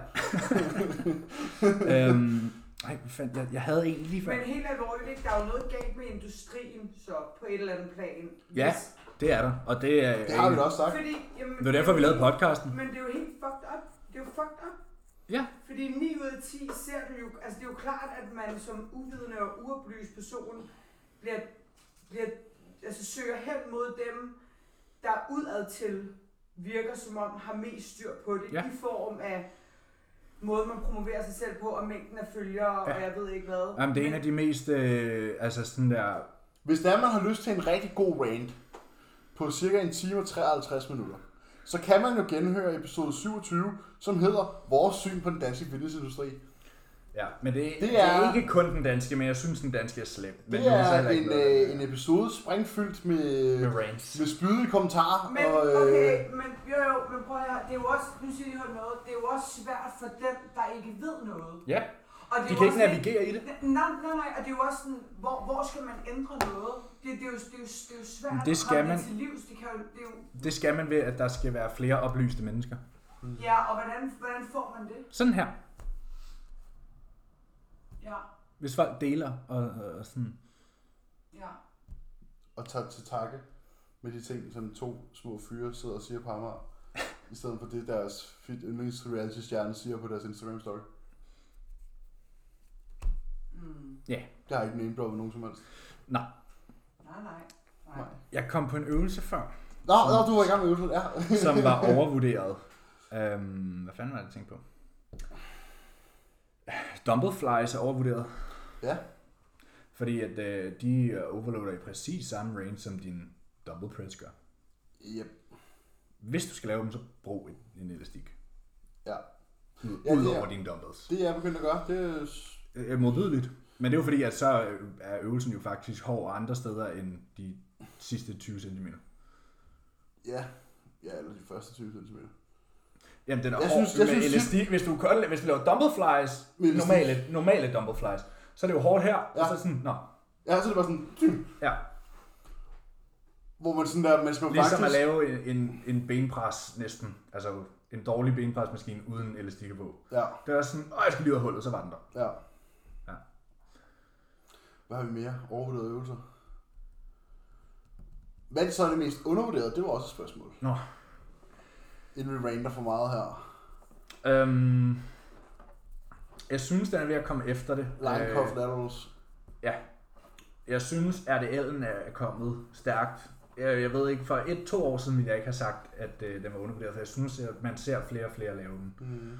Øhm, men var helt klart undervurderet. Altså at bruge kablerne øh, til at træne sine skuldre er mega undervurderet. Og til At, øh, at bruge elastikker korrekt er ekstremt Undervurderet. undervurderet. Øhm, for du, du skal ikke smide elastikker på din... Altså, ja, og lur mig, jeg ved ikke hvorfor, men jeg har set folk bande deres bent over rows, eller øh, Hvordan, hvordan gør man det? på samme måde som du baner en dødløft. Okay, ja. Du ved, står på Ja, elastikken. ja, ja. Jeg, jeg, Ja. viste en lille, jeg viste en ung fyr ude i Target i går, han var helt begejstret. Fordi dødløften er at bane. Ja, det, ja, den øger dit lockout op toppen. Yes. Øhm, generelt... Det var faktisk en meget sjov historie, fordi jeg er var ude jeg var ude i Target, og så der er, der er sådan nogle, jeg, jeg, der er ikke nogen andre, der kalder dem det, jeg kalder dem de stærke drenge. Okay. Det, er sådan et, øh, det er sådan en ung crew af, af sådan nogle gutter, der gerne vil være powerlifter. Mm. Og de er fucking nice, de er fucking flinke alle sammen. Vi har også mødt dem ude i Copenhagen Gym på gange. Okay. Øhm, de er super gode, de er super, de er super nice drenge der. Og de er super ydmyge, og de hygger sig bare, og de er på stykker, og det er super fedt. Og så var han sådan der, så kom han også til mig og sagde, Emil, øh, altså sådan, hvad skal jeg gøre? Der er ikke, øh, der er ikke der er ikke flere skiver. Øh, og jeg tror, at han stod, der havde været han sådan der 32 på stangen, eller sådan noget, dødløft, ikke? De, de, altså, Og så siger du, og sådan put lige en elastik på din 230 kg dødløft. han er jo 18 år gammel jo. så var jeg sådan der, "Eh, mate, du kan har du nu så på banken. Så han sådan, så lignede, så lignede han, ja, det lignede, han slået i hovedet. Ja. Og jeg var sådan, hvad? Så sagde jeg, ja, men prøv lige, så prøver vi lige banken. Prøv lige at tage, tage lige en skive af. Så tog han en 10 af, eller sådan noget. Der var 210 på. Så prøv, så prøver vi lige banken. Så hvordan gør man det? Vil du så lægge dumbbells i hver side? Så bliver nej, nej, nej, nej, bare rolig, rolig. Lægger bare lige den røde stik. Hen over stangen. Og så står Og så stiller du dig bare på elastikken. Og så kørte han sådan der to reps, og så fik jeg sådan der, det der bro knock Ja. op i toppen, sådan, åh, jeg er helt sikkert. Ja.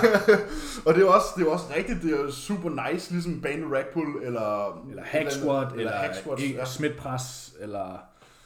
Og reverse band og smith press. Mm, zoom. Soon. Ja. Banding er øh, ekstremt undervurderet og ekstremt misbrugt. Ja. Fordi dem mange, ikke alle, men der er mange, der så bander ting, der virkelig ikke skulle bandes. For eksempel deres knæ. Ja. ja, ja, ja, ja. Ba- sådan et, et, et elastik om knæene, og så øh, i gang med benpres og hip thrust. Mm. Drop det.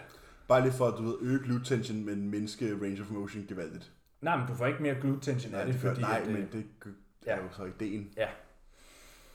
Og du vil meget hellere træne øh, glute medius øh, 20% mere for at gå glip af glute maximus. Meget hellere, Ja. meget hellere. Jeg vil Jeg gerne er faktisk er rigtig også gerne have rigtig meget bredde på hoften, men jeg vil ikke faktisk have store baller.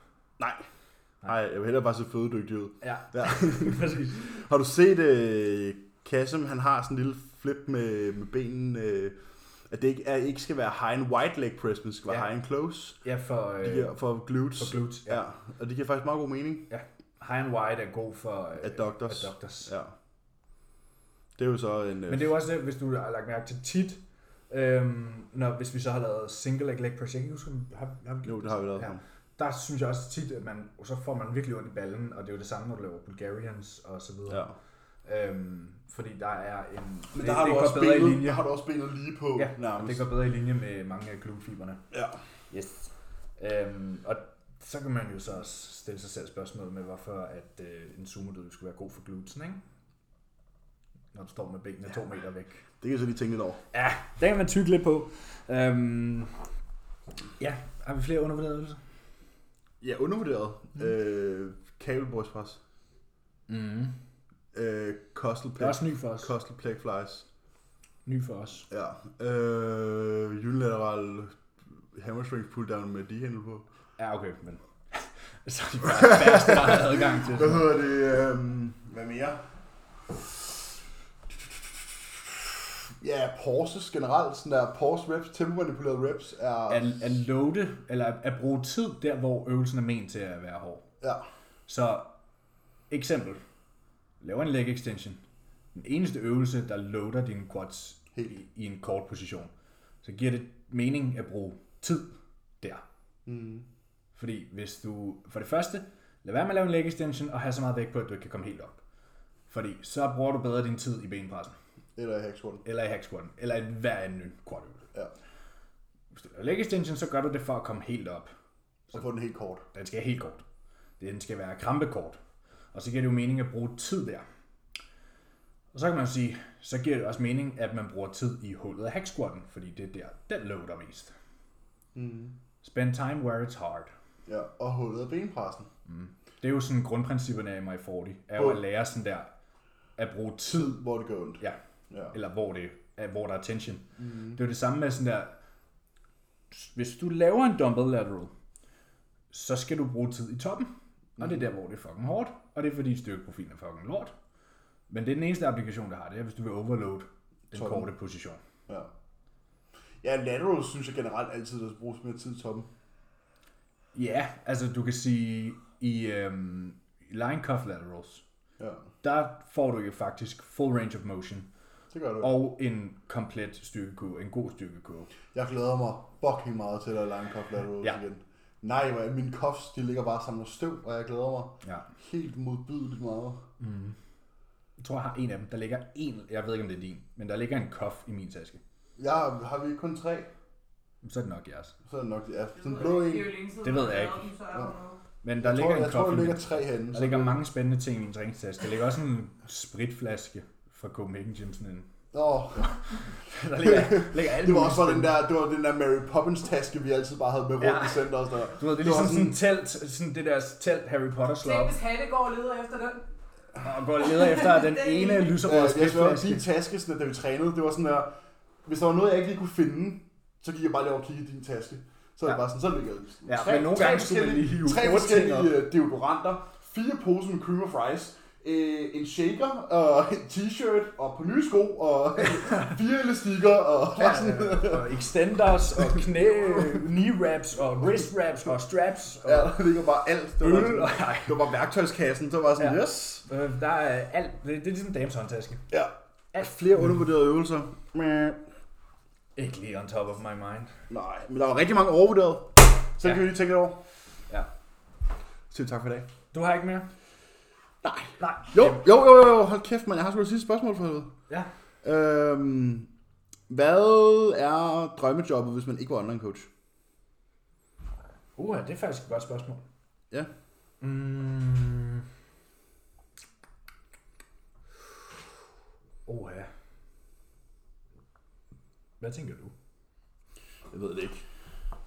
Det ved jeg ikke. Nej, altså før jeg kom ind i det her, der havde jeg... Og jeg, ved- jeg var, ja, altså jeg var faktisk på vej ind i ejendomsmaling, øh, fordi jeg tror, det kunne være et rigtig, rigtig fedt job. Ja. Øhm, så det, det var det, jeg var på vej ind i før. Så ville det give mening måske at være sådan en...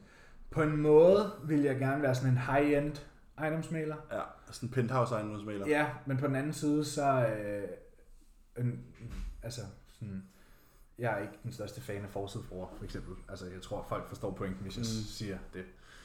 Det er sådan rigesvin. Ja. Har det med at være en type menneske. Jeg sådan, Ikke. og det er meget generaliserende, men jeg tror, folk forstår, hvad pointen er. Ej, folk er jo ikke bange for at generalisere nogle dage. jo. Nej, bestemt ikke.